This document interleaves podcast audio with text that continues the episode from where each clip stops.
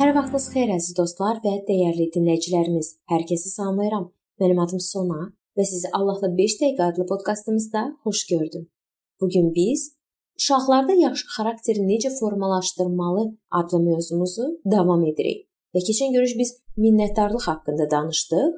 Bu gün isə nəzakət və səliqəlilik mövzusunu araşdırmaq istəyirəm. Nəzakət hətta ən kiçik şeylərdə belə iltifatın, həssaslığın və başqalarına hörmətin təzahürüdür.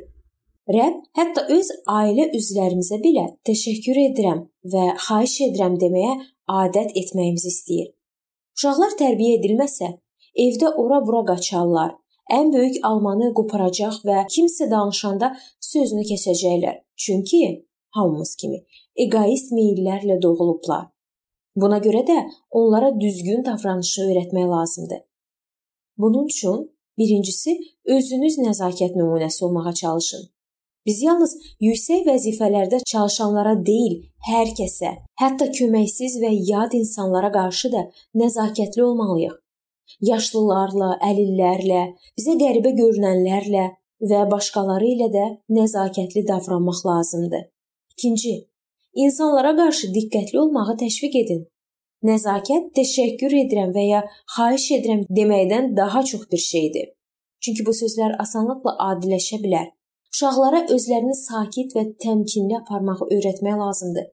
Xüsusən də kimsə xəstədirsə və ya yatırsa, həm də oyuncaqları olmayan digər uşaqlarla öz oyuncaqlarını paylaşmağı, əvvəlcə qonaq uşaqların oynamasına imkan verməyi öyrətmək lazımdır.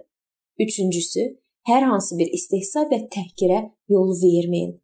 Bütün insanlarla nəzakətli olmaq heç kəsi təhqir etməmək deməkdir. Müqəddəs kitabda keçələ sataşan və Allahın peyğəmbərini təhqir edən uşaqlar haqqında oxuya bilərsiniz. Bu dikbaşlıq göylərin Allahı üçün o qədər təhqir edici idi ki, o müdaxilə etdi. Allah 2 ayının meşədən çıxmasına və 42 uşağı parçalamasına icazə verdi. Bu hekayə 2-ci Padşahlar 2-ci fəsil 23-24-cü ayələrdə yazılıb. Növbəti dəfə birimiz kiməsə gülmək istədikdə, başqalarına xor baxanlar haqqında Allahın nə düşündüyünü xatırlamaq yaxşı olar. Valideynlər uşaqlara qonaqlar onlarla danışanda onların suallarına cavab verməyi öyrətməlidirlər. Onlar insanlarla nəzakətlə danışmalı bacarmalıdırlar. Bəzi ailələrdə qonaq onunla salamlaşanda uşaq cavab olaraq heç gülümsəmir də. Həqiqət budur ki, bütün uşaqlar fərqlidirlər. Bəziləri çox utancaqdılar. Ancaq kimsə salama məhəl qoymadıqda, o bununla danışanın onun gözlərində cavaba layiq olmadığını göstərir. Valideynlər uşağın öz məşğuliyyətini dayandırmasına, digər şəxsin dediklərini diqqətlə dinləməsinə və hər bir salama cavab verməsinə nəzarət etməlidirlər.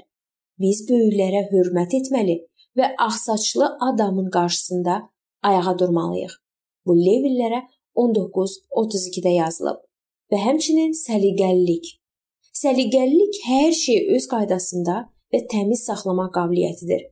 Uşağa səliqəli olmağı necə öyrətmək olar? Birincisi valideynlər uşağı erkən yaşlarından təmizliyə və səliqəyə öyrətməlidirlər. Ailənizdə səhər oyanmaq, yemək, işləmək, Müqəddəs kitab hekayələrini oxumaq və yatmaq üçün vaxt təyin edilməlidir. Hər şey hər gün, hər həftə eyni cür olarsa, uşaqlar özlərini çox təhlükəsizlikdə hiss edəcəklər. İkinci, valideynlər evi təmiz və səliqəli saxlamalıdırlar. Masa təmizlənməyənə, oyuncaqlar yerinə qoyulmayana və qırıntılar döşəmədən süpürülməyənə qədər evdən çıxmamaq yaxşı bir vərdişdir. Ailə axşam yatmazdan əvvəl Hər şey təmiz və yerində olmalıdır. Uşaqlara ayaqqabı ilə evə girməməyi, zibili yerə atmamağı və pəncərələrə əlləri ilə toxunmamağı öyrətmək lazımdır. Yeniyetmələr öz otaqlarını səliqəli və təmiz saxlamalıdırlar. Və üçüncüsü, uşaqlara öz otaqlarında səliqə və təmizliyi qorumağı öyrətmək lazımdır. Uşaq otağı uşağın erkən yaşlarında vacib bir yerdir. O burada gecə gözlərini yumur və burada yeni günü qarşılamaq üçün onları açır. Uşağın yeni günə xoşa gəlməz hisslərlə başlamaması üçün yataq otağında qarışıqlıq olmamalıdır.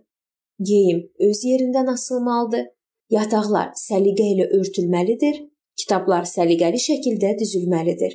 Yazıldığı kimi Allah nizam, intizam Allahıdır. Qoy hər şey ədəblə və intizamla edilsin. 1-ci Korinfillərə 14:40. O evimizdə səliqəsizlik olmasını istəmir. Gənc qadınlara evdar olmağı öyrətmək lazımdır. Bu Citə 2:5-də yazılıb. Analar isə çalışqan və səliqəli evdar qadınlar olmalıdırlar.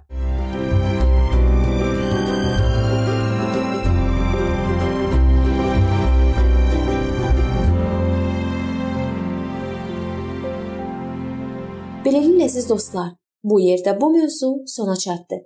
Hər zaman olduğu kimi sizi dəvət edirəm ki, bizim podkastlarımızı Facebook səhifəmizdən və YouTube kanalımızdan dinləməyə davam eləyəsiniz. İndi isə mən sizinlə sağollaşıram və növbəti görüşlərdə görmək ümidi ilə sağ olun, salamat qalın.